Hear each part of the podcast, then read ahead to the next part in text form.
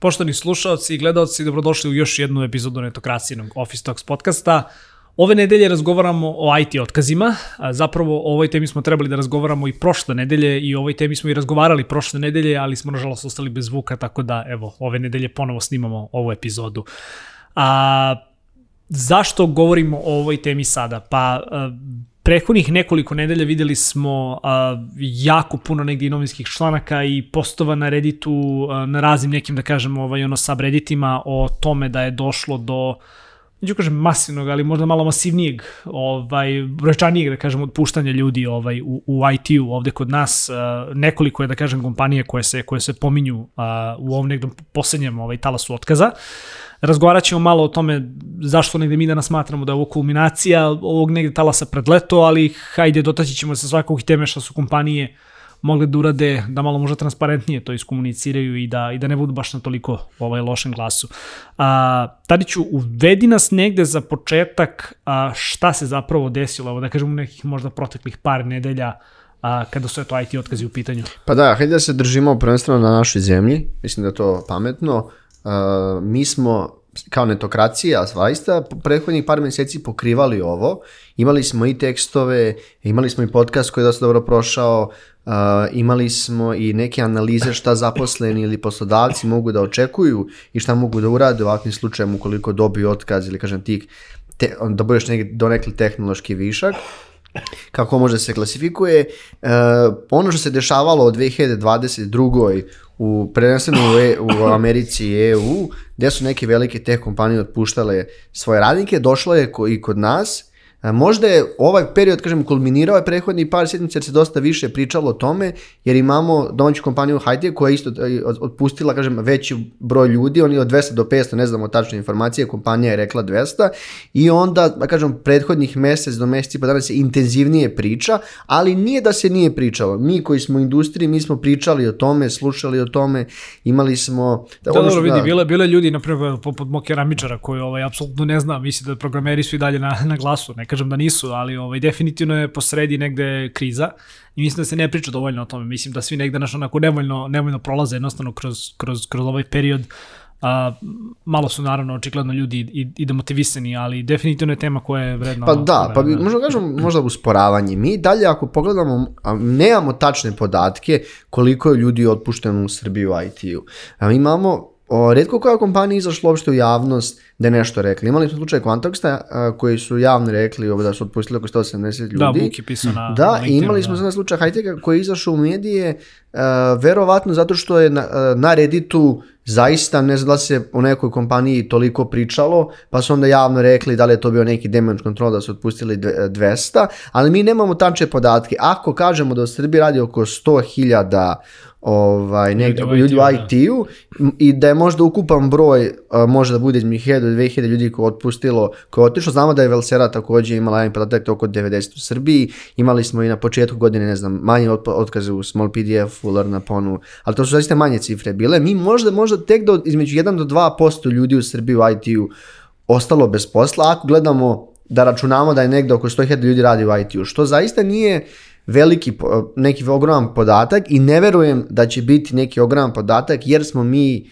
i dalje, ako gledamo neka strana tržišta, jeftinija radna snaga i jako je naša cena rada dosta, dosta porasla, pogotovo IT-u. Tako da mi e, možemo da pričamo o ne nekom dubokoj krizi, ali u, osporava, u usporavanju industrije i verovatno do, do neke do koje će se restrukturiše u narednim godinama.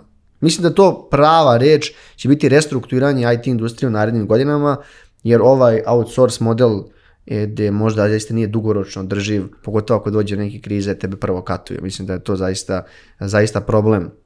Tako da to su neke opšte karakteristike koje su mogli da vidimo prethodnih par meseci. Da. da, ja bih se složio apsolutno sa tim. Evo, i mi smo imali priliku da ovih prethodnih par dana i postimo neke konferencije, da ne navodim sada koje su što pitanju. Delo je da je čitav ekosistem kad on izađeš doslovno na teren, uh -huh. da, mhm. da upoznaš ljude, programera i developere, sve nekako deluje kao da ta kriza se ne dešava. Ono što čitam u medijima, ok, dešava se, ali generalno na terenu kao da se to ne osjeća. Bukvalno bi se složio, a mi smo kao zemlja outsource dosta jaka, fali nam više tog produkta, ali definitivno mislim da u narednih, pa možda čak početkom sledeće godine da bi sve Da, nekako trebalo da se vrati. Da, volio bih malo da popričamo i o tome kao zapravo zašto je došlo do, do te neke krize. Dugo godina razne IT škole, akademije su reklamirale završi kurs plata za garanton od 1000 i po evra itd. itd. Proteklih nekih 10 godina, to je neko moje Mhm. Sigurno. viđenje, ali ajde da kažemo 2015. 16. je taj rast svakako ubrzan, ajde da kažemo eto nekih proteklih 8 godina. Imali smo zaista primetan i fascinantan a, i veoma pohvalan rast domaće IT zajednice. Tome su doprinele naravno velike outsource kompanije, manje outsource agencije, tome su doprinele i produktne kompanije. Neki su, da kažem, postale a, i, i izuzetno velike, izuzetno priznate i da kažem na putu ovaj, samog unikona. Tako da ne bih Znaš šta, ne želim da ova epizoda bude još, još, još jedna ona, uh, još jedna epizoda u kojoj ćemo sada kao da li produkt, da li outsource.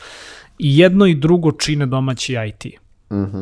I, I jedne i druge kompanije su otpuštale ljude. Ono što je definitivno jedan jako, jako bitan faktor, uh, jeste da kažem to što je novac postao skuplji. Uh, sve te tehnološke kompanije koje su radile sa domaćim outsource kompanijama, Uh, danas im je mnogo teže da dođu do finansiranja, da dođu do kapitala kako bi nastavile sa razvojem svojih proizvoda ili kako bi razvile proizvode nego što je to bio slučaj pre godinu dana. Jeste, Imamo a, situaciju da je američki Fed digao kamatne stope, dakle do novca je daleko teže doći, investitori su se isto tako možda malo uplašili, ne, ne dele više ovaj novac šakom i kapom. Samim tim, ako su kompanije ostale bez novca, inostrane, može se to Da. da. negde osetiti i taj preliv da su domaće kompanije ostale bez projekata, jel da? Jeste, makroekonomski, e, makroekonomski pokazatelji, znači od 2008. do 2022. je verovatno, pričamo na globalu i kod nas je bio od tog period ubrzanog rasta, gdje su kamatne stope bile niske. Kad kažemo novac je bio jeftin, to znači možete da uzmete određene količine od banke da platite manje kamatne stope. I to je A i utica... nije uopšte, nisu uopšte imali postice da zapravo novac držite na računu, jer da samim tim je on gubio na vrednosti zbog inflacije. Jest, da? jeste upravo to. Tako da imate situaciju da se mnogo para slilo u privredu, u startup tržište, u IT tržište i onda uh, korona koja je zaista logistički bila noćna mora i uticala na skok cena raznih derivata, pa onda imamo rat u Rusiji i Ukrajini. Da Ukrajini, da. Da, koji je koji zaista, ove, u- Ukrajina bila velika IT zemlja, Rusija takođe, uh, to još više dolazi do poskupljenja nekih materijala, to takođe diže cene gore i onda imamo rekordne inflacije, rekordne kamatne stope, što utiče da jednostavno pare su sada skupe, da kažemo tako, i smanje se investiranje u startupe, što opet povlači neke druge stvari. Ako mi pogledamo koliko je par ove godine investirano u startupe, to je minim, zaista mnogo manje nego prethodnih godina. Pa ti, kao što si rekao, dobijale su pare za šakom i kapom. Kažeš imam ideju koja čak ne postoji ništa, evo ti pare razvijaj tu ideju. Ono što jeste, što smo mi pričali i što je bitan pokazatelj koji se ne zove inflacija u direktnoj korelaciji sa nezaposlenošću.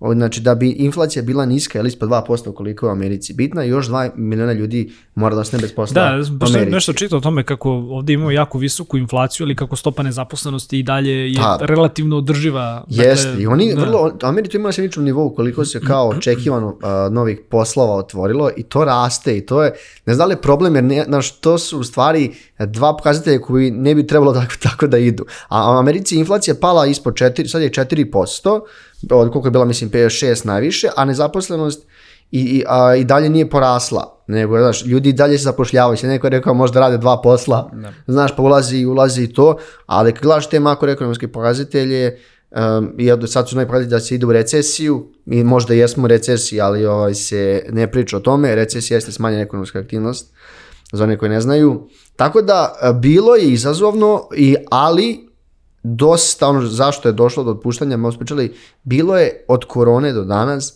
bilo je prezapošljavanje kadra, prvenstveno Američ, u Sjedinjeničkim državama, što opet povlači i kod nas do zapošljavanja.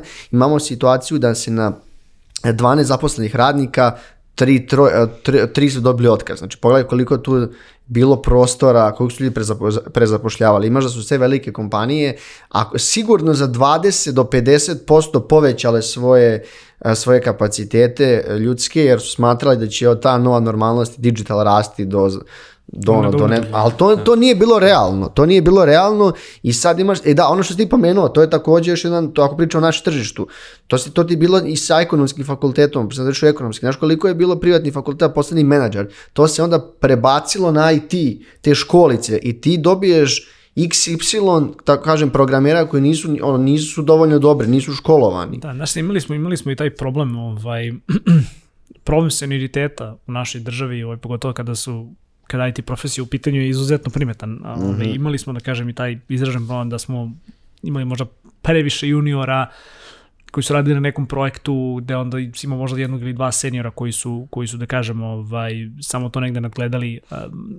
Mnogo je nekih stvari koje su nas dovele do, do, do ove ovaj, situacije, mada opet, ajde kažem, pohvalio bih možda da ih domaće kompanije jer nisu prezapošljavale. Mislim da smo mi ovde na Balkanu uvek imali, prosto zbog svih stvari i ratova i, i gluposti koje smo prošli, smatram negde da su možda naše kompanije bile koliko toliko obazrivije. Uh, imamo isto takvu mm -hmm. situaciju da su određene outsource kompanije držale određeni broj meseci ljude na benču, držale su ih dakle na plati i negde su im prosto davale mogućnost da ili pronađu drugi posao ili da rade neke druge poslove sa strane, dakle da, da ublaže negde taj udarac, da, da ne kažu samo, opet ni zakon kod nas nije takav da možeš čoveku da daš otkaz odmah kao što je na primjer to ovaj situacija u Americi mora ima otkazni rok, druge neke stvari, ali dakle, složio bi se, čak ne bi se složio, nego bih rekao da su kod nas možda kompanije i bile malo, da kažem, konzervativnije, pa da nisu zapošljavale toliko ljudi. Te ako zaista i pogledamo te otkaze, ne možemo samo prstom da uperimo da kažemo, ova kompanija je kriva ili kako god. Mm -hmm. Kompanija je, nažalost, takva da ona uvek mora da preživi, da postoje određeni koraci, da, da se smanje uh, capital expenditure, uh, expenditures, uh, ono, operation da. expenditure, znači capex i opex, da se smanje dakle, kapitalni i operativni troškovi kako bi se prosto zadržalo, zadržalo i očuvalo poslovanje, jel da? Jeste, Tako da, da, ako zaista negde pogledamo iz ugla domaćih IT kompanije koje su otpuštale, mislim da je to zaista bilo ono poslednja slamka poslednji njihov potez koje su, koje su mogle da, da naprave.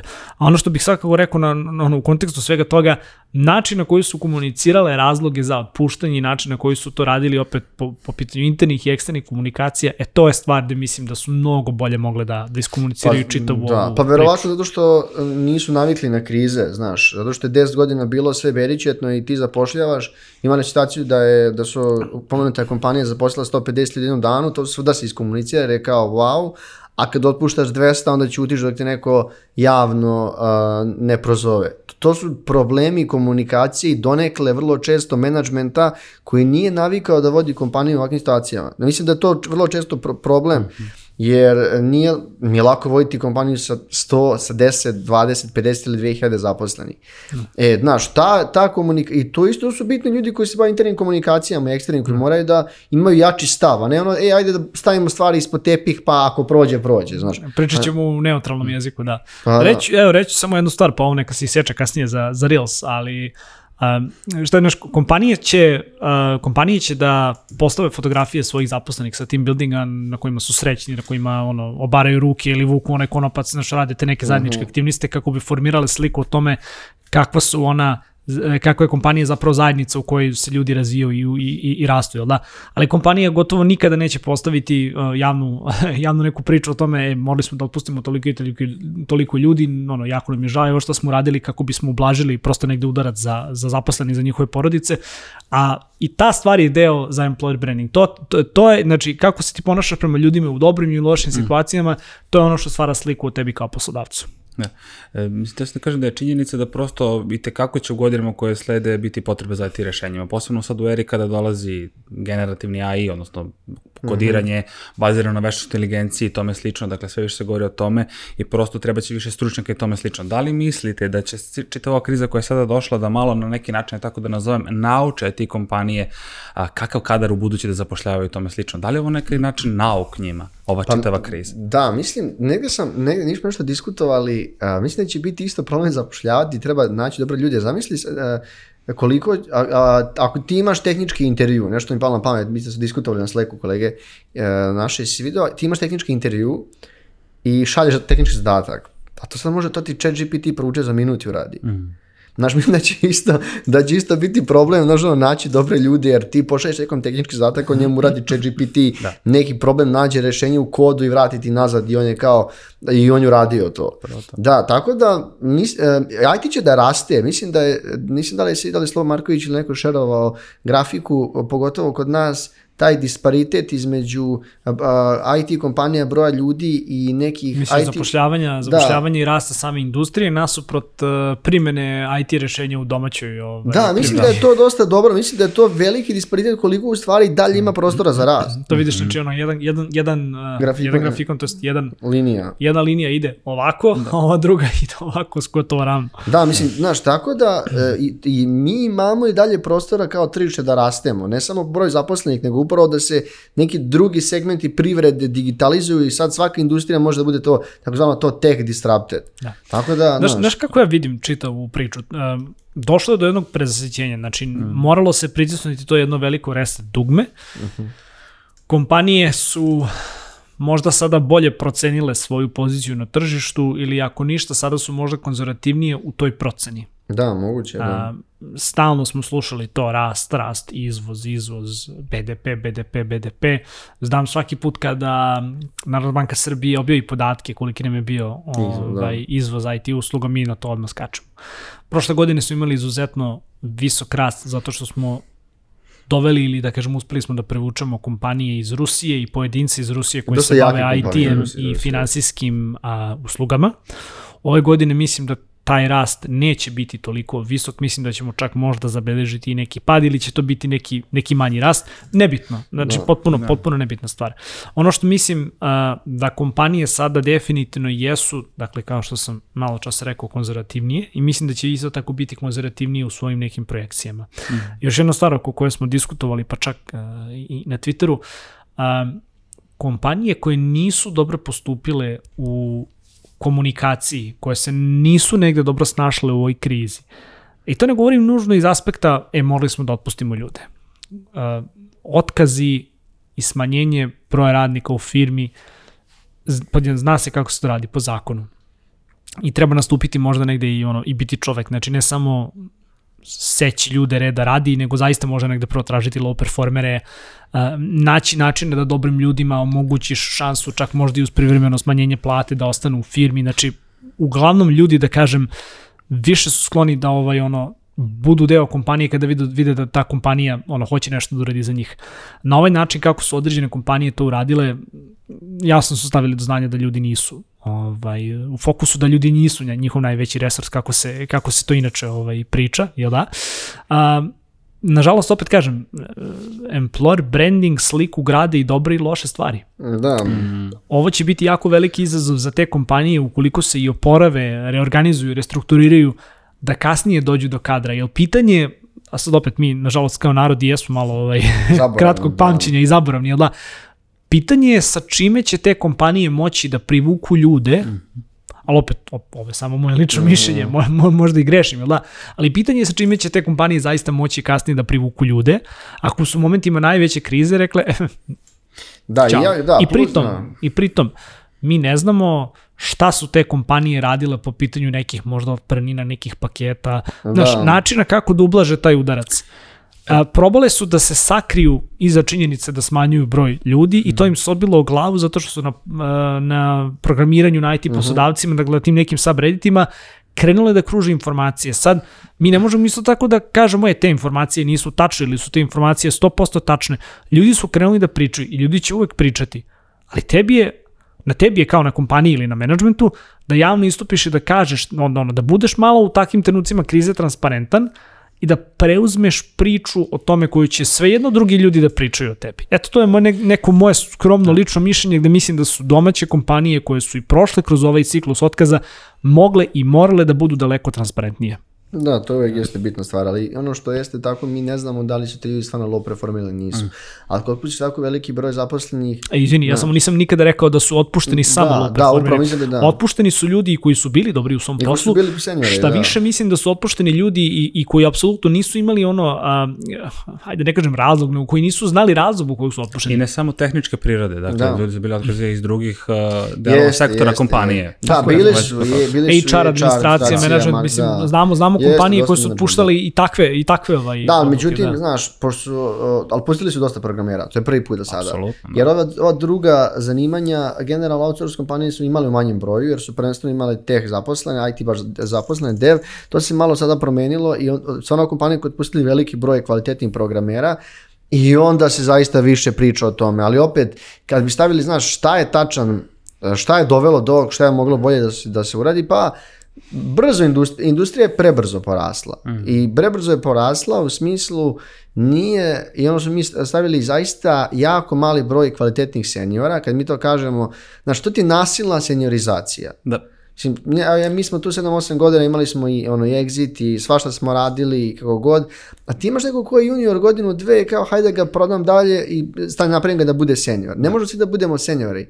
Znaš, ne, senior je nekad bio ko vodi 10, 10, 10 godina, 15 tu i koji zna mnogo više o proizvodu, o firmi, o načinu vođenja tima. Ima mnogo ne samo tehnologije, nego da. znaš, ko, ko, ko, ko se razume u poslovne procese. E, to, to, je ono, Da. to, je ono, to ono što sam baš teo da vas pitam. Dakle, mi govorimo o jednoj industriji koja ono, cveta, razvija se sve te godine, od jedan put kao dolazi neki pad. I sad pričamo o programerima i o programiranju kao profesiji, kao takvoj. A, izuzetno je kompleksna, da li govorimo Yes. o software developmentu, razvoju ogromnih sistema, manjih sistema aplikacija, nebitno šta god. Dakle, izuzetno imamo jednu kompleksnu ovaj stvar. E sada, a, ti pričaš o senioritetu d- o, za 2, 3, 4 pa i 5 godina, što je opet nekako da kažem, Teško. teško je Jeste, jako i da. napredovati. Da li se ovom krizom sada dovodi hajde, neću kažem dovodi u pitanje, ali malo degradira čitava ta profesija programera. Ok, ja završim par nekih kurseva, to je to, ok, imam platu u to šta, imam. Pa Ne, neko da im- kaže pa ne da, ali degradira neko se. kaže ne. Pa ne mislim da to degradira zavisi, se, da. uvijek imaš različite mišljenja, razumeš. Tako da mislim da um, a ne, ne, krizom ništa se ne menja, više se menja nesvesnim poslovanjem i ono što može da se nastavi da se degradira, ako uzimaš ljude koji su ono, kažem, nisu, nije svaki programer inženjer. To je Upravo to, to. ista, ta, ta ista stvar. Mislim da je to najbolja ovaj, Pa jeste, da znaš, odgovor, jeste, da. moraš da budeš, moraš da, bude, ako bi inženjer, morao si da imaš neku širinu. Znaš, sada Upravo, se da. degradira profesija, nije, nije to nikako degradiranje profesije. Samo u tom trenutku može dolaziti do malog smirjevanja tržišta. Vidi, znaš šta, pisao sam u jednom onom tekstu kao ispisuje dete sa, sa programiranjem, upisuje ga na, na Nikolu Jokića, da? upisuje ga na konjičke sportove. Da? A, vidi, sama profesija, ono, izvorna kao profesija nikada neće biti degradirana, zato što ako pogledamo, na primjer, novinarstvo ili medije, na što industrija u kojoj mi radimo evo, već 12 godina, mediji su odavno devastirani u Srbiji, ali to ne znači da mi i način na koji mi radimo naš posao a, trebaju da budu umanjeni zbog nečega tamo kako se radi ili kako postoji mimo ova četiri zida i mimo našeg studija i mimo naše kancelarije, jel da? A, znači, do, do, do, do, ono, do lične preferencije i do ličnih ambicija je gotovo uvek.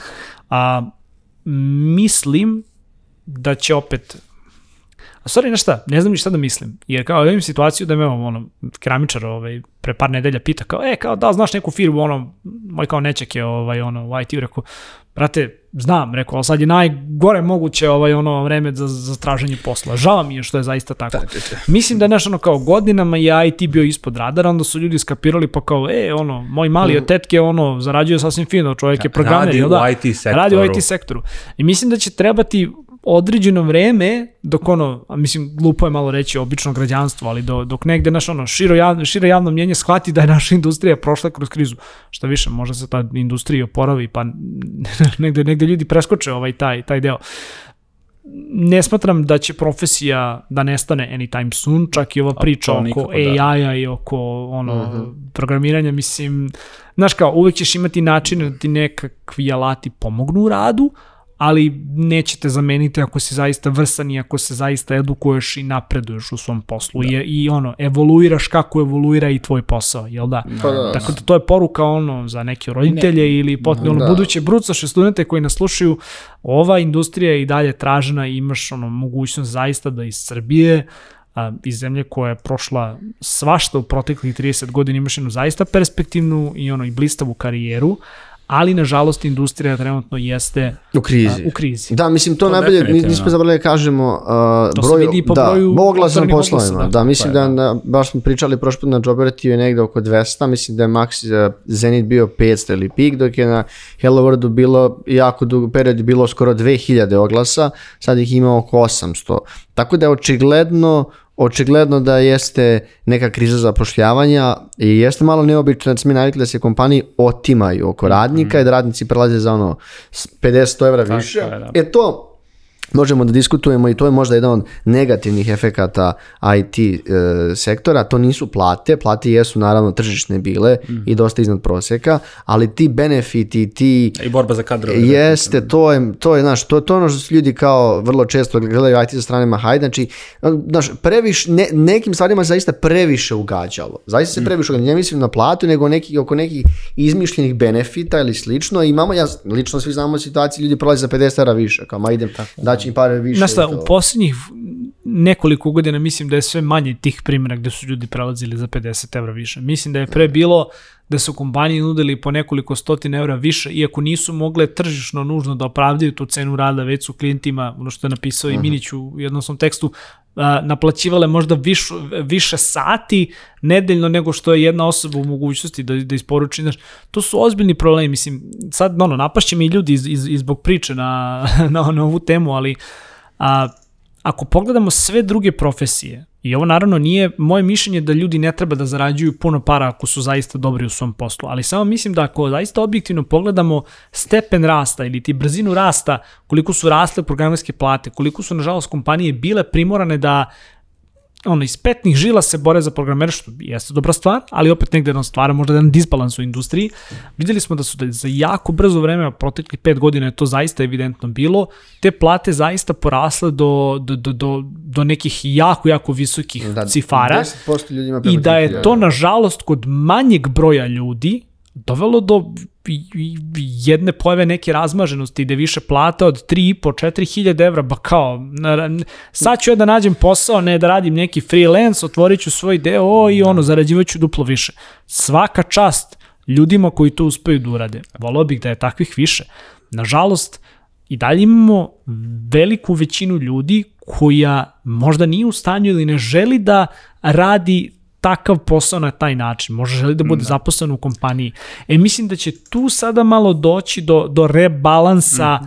Ne vjerujem da će plate padati, koliko šanse. mislim samo da će stajati na tom nekom ono will Da, plateau, da što bi da rekli. rastu. Znači, mislim da. da. će stajati neko vreme tu, jer iskreno ne vidim da se kompanije sada nešto međusobno takmiče po pitanju ovaj ono uh, otimanja kadra ili dođi kod mene više za par stotina evra, jel da? Da, Bi- prema bila- zvaničnim podacima plata je 1700 evra u IT-u, oko seniorska je oko 2200 prosječna, 10% seniora ljudi, za, e, 10% znači e, zarađuje preko 3000 evra, Ta, e, I ono što to, kao što sam rekao, ne mislim da će plate da padaju i ne verujem da će to sad, vrlo vidim da se programeri, mo kažem, ponegdje uplašeni, sad će da ono, po Redditu možda vidiš komentare, sad će da koriste da nam umanjuju plate i slično, to Da, se neće mislim da se desiti, neće desiti, to se neće desiti, jer ono što vrlo često se desi, ono što ljudi nisu svesni kad kompanija otpusti XY radnika, samo inicijativno ode još dosta.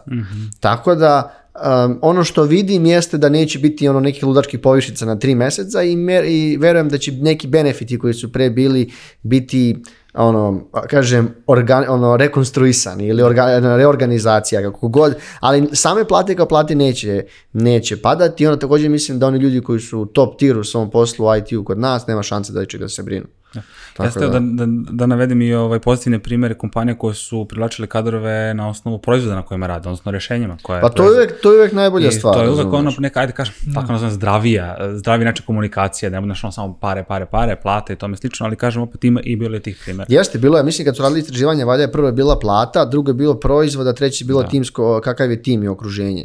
Tako da a, to jeste negde prednost rada mm -hmm. na svom proizvodu, što vrlo često radiš odnim tehnologijama, malo drugačiji, ne skačeš s projekta na projekt, što je možda bude problem outsource, pa moraš da radiš jednu tehnologiju, pa drugu tehnologiju, ali mislim to i dalje kriza se ove IT kompanije koje su počeli na početku svetske su pro, prodaj kompanije. Jeste. Znaš, Ali, tako ali da... zato kažem, e, vrlo će biti zanimljivo vidjeti u narednom periodu IT se nevjerojatno ubrzano razvija, ali kažem, imamo, do, imamo jednu čitavu, recimo, automotive industriju koja se jeste, razvija. jeste, to je dakle, to tačno, će da. kako eksplodirati. Imamo veštačku inteligenciju, dakle, Pa, bit će vrlo da. zanimljivih proizvoda na kojima se radi. Startup Gino mi da. prvi put highlightao pored blockchaina Web3, koji je vjerojatno je jedan najzdravijih industrija u Srbiji koji raste, pored gaminga e, su bioinženjering i biomedicinu To su valjda prvi, to je, to, to je prvi put... Ima i kampus Health- koji se gradi u Health Srbiji, Immunice, da. da, koji prvi put su bacili u izveštaj kod nas. Reći još samo jednu stvar. A, obzirom da smo imali, da kažemo, ono određeni broj otpuštanja, ovo je sada, mislim, treba u svakoj negativnoj stvari treba tražiti neku pozitivnu stvar. Ono, barem kako ja vidim i što se slažem sa, sa nekim ljudima koji su pisali analize. Ovo može biti dobra prilika za startupe naše koji jesu malo možda konzervativniji bili po pitanju prikupljanja financija i prilikom valuacija, jer svi znamo da u silikonskoj, to jest u silicijumskoj dolini ljudi vole ovaj da, da rizuju po nekoliko ovaj, desetina miliona na neke nenormalne valuacije, ono, tek su osnovani pre, pre šest meseci, jel da? A, naše kompanije su opet možda malo, da kažem, konzervativnije bile i možda su malo bolje u, u iskorišćavanju tih sredstava. Ovo je evo sada dobra prilika, pošto su se startupi stalno žalili kako ovo, im je jako teško da se takmiče sa, sa tako velikim kompanijama koje jesu platežno sposobnije. Ovo eto može prilika da se dođe do, do novog eh, kadra. Da, pa nije samo za njih. Između Zato pričali smo e, sa više ljudi, to neko naše mišljenje kod djelamo, je prilika da za te tradicionalne velike telko, banke i Pošto sve kompanije, kompanije prolaze kroz tu kao digitalnu Pa transformaciju. jeste, i kojim uvek treba tehničkog kadra, e, školovanog tehničkog kadra, međutim, sami IT profesionalcima vrlo često nisu bile interesantne, ne znam, banka, telko i tako neke, neke, neke korporacije, pa čak i FMCG, FMCG imaju potrebe za takvim kadrom. Mislim da je ovo prilika za te kompanije dođu do jako, jako kvalitetnog kadra. Znaš, tako da ovo uvijek je prilika, znači ono, za ne, uvijek, uvijek uvijek je negde prilika za nekog. I kriza je uvijek prilika za neku kompaniju. Definitivno, koliko će Telko i ostale velike kompanije, njihove tranzicije i tome slično zahtevati velike broje stručnjaka, Pa da. toliko će recimo mini gaming studiji ili blockchain web3 zahtevati stručnjake koji će opet raditi na svom proizvodu, koje, hajde da kažem, možda zanimljivi, zanimljiviji u tom trenutku nego neke ogromne tranzicije softvera. Pa jeste, koje se jeste, rade, znaš, tako da mislim da, ok, e, i da još jedna stvar, moram da vidjeti, moramo vidjeti također koliko se ti ljudi brzo zapošljavaju, jer i po nekoj priči, po Redditu i po LinkedInu i po ovakvu priču, dosta ljudi koji je već dobilo otkaz za nekim kompanijama, našlo posao drugim, drugim. Sad, ok, Uh, Imali smo čak, ovaj, to se baš onako pričalo dosta ispod radara, ovaj, u kularima se pričalo, ali imali smo i ovaj, kompanije koje su zapravo preuzimale čitave timove od drugih kompanija, Da. što je, na primjer, nešto o čemu kažem, jako se ono, ispod, ispod radara govorilo, ali to je, na primjer, super stvar kako se jedna kompanija izborila da ipak ublaži udarac za svoje zaposlene, da ih prosto prepusti drugom poslodavcu. To je po meni onako lafovski potez. Re- Redko se gde je to komuniciralo, jel da? Da, Jeste, to, to je jeste, stvarno redko bilo, da. Da, tako kad, kad, kad bi neg- negde sumirali, ja bih rekao za ovu, za ovu kažem, takozvanu krizu je uh, zaista i bilo više faktora koje je uticalo, prvenstveno, ako gledamo kao ono što se prvo vidi, to jesu makroekonomski faktori, ratovi korona, a drugo jeste zaista um, or- rast tržišta i rast kompanija koje nije bio možda mnogo brži od nekog planiranog ili kontrolisanog rasta i to je uticalo da menadžmentu bude sve teže da upravlja kompanijom zbog veličine i kompleksnosti, a, a radnicima da toliko skoče plate i znaš, to je uticalo na jedno, na donekle, kažem ti, tržište koje se stvori balon i koje je dosta izolovano od svih drugih situacija. I to kad gledamo neki to kako je uticao na ovu krizu, to je mnogo više faktora. Naravno će pol- zaposleni reći poslodavci su krivi, poslodavci će reći nismo mi krivi, pogledajte makro situaciju, pogledajte koliko radnici traže platu, ali to je sve začaran jedan krug i ono, ako možemo da kažemo po meni svi, svi smo do neke krivi, krivi za ovo što se dešava. A na nama je šta će da ide dalje. Kao što je Marko rekao, ta komunikacija je bitna, način na koji će dalje da se ide. Država je, kako god mi bili i, hejtovali i često, d- dala dosta olakšica i, i stimulansa da ti sam pokreneš svoje preduzeće. Da, I davala je za R&D-eve razne olakšice, znaš, Da, i po- dalje, da, da. da, da, da, bit će za startupe i tehnološke kompanije. Postoji zaista veliki set olakšica tebe kao osnivaču da osnuješ kompaniju, da imaš, zaštitiš svoj IP, Pa intelektualni property. Ja bih, ja bih samo tu volao jednu stvar da negde podvučem. Um, naravno da će produktne kompanije i da kažem ovaj, sva rešenja koja se kreiraju od uvek imati ono neku le, neki lep vetar u leđa, ovaj, da ih, da ih ono podrži zajednica, da, no, ono, uvek je to lepa priča kad nešto iz Srbije pokreneš, jel da? Ali mislim samo da, znaš, ono, kao, mm, ne bih rekao da su mi kao netokracija nekada gurali taj narativ, ali mislim da su zajednici možda čak i previše a, forsira da u ovakvim trucima, e, ovo je sad prilika da se nešto pokrene. I jeste za ljude koji to žele da urade. Pa upravo to, Imamo da. i dalje ljude koji prosto ne žele da budu CEO-ovi, CTO-ovi koji žele da prosto rade posao u kojem su dobri, da je to programiranje, kodiranje itd., inženjerski posao. I to mi se jako sviđa što si rekao, ti ljudi možda sada ako su radili u outsource industriji mogu da nađu priliku svoju u startupu, mm. u nekoj drugoj kompaniji ili u nekim tradicionalnim kompanijama koje opet nude jednu određenu dozu sigurnosti, da prosto rade na rešenjima kako bi se ta, ta njihova branša digitalizovala. Tako da, naš ono, jeste kriza, ali ona sa sobom nosi i neke nove prilike.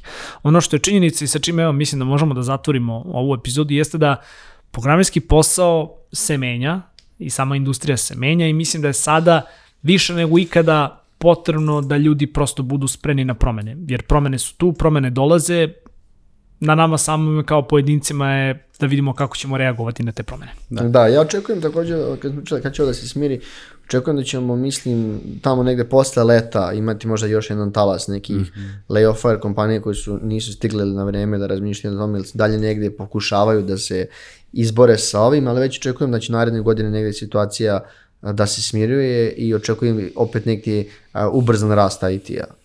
Jasno. Takođe, isto, eto, ispratit ćemo, bit će tekst netokraciji, bit će i epizoda podcast, tako da, uh mhm. -huh. eto, to je to. Uh, vama hvala što ste ostali sa nama do kraja ove epizode. Svakako nam pišite u komentarima koji su vaši stavovi kada je reč o otkazima u IT industriji. A mi se svakako vidimo u nekim od narednih epizoda. Za kraj samo podsjetnik da se pretplatite naš YouTube kanal kako ste bili u toku sa novim epizodama koji izlaze svakog četvrtka, dok uh, Office Talks možete pratiti putem audio kanala kao što su Deezer, Spotify, Apple Podcast, Google Podcast i drugi. Mi se vidimo u nekoj od narednih epizoda. Ostrw.